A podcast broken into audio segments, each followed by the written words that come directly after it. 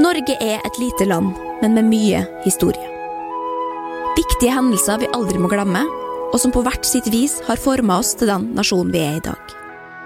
En nasjon hvor både frihet, ytringsfrihet, rettferdighet og likestilling henger høyt, men som også veit å verdsette janteloven og litt god, gammeldags kjendisforakt. En nasjon der landets største avis sender ut push-varsler hver gang Lena Alexandra går inn eller ut av et forhold, og en nasjon hvor nyhetssaker om Tone Damli trumfer hvilken som helst verdenskrise. Ikke sant? Det er krig i Syria. Svære krigstyper.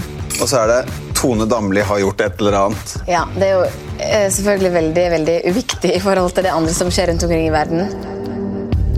Jeg heter Linnea Myhre, og jeg er ikke gravejournalist. Men de er veldig interessert i alle detaljene du ikke visste du trengte, og derfor har de tatt meg oppgaven å grave meg tilbake i viktige kulturhistoriske hendelser i pottitlandet Norge, og løfte dem fram i lyset av 2020. Altså, Du har drept noe, gjort et mord, og sånn, så jeg skjønte, men det, jeg føler ikke at jeg har gjort noe feil. Velkommen til helvete.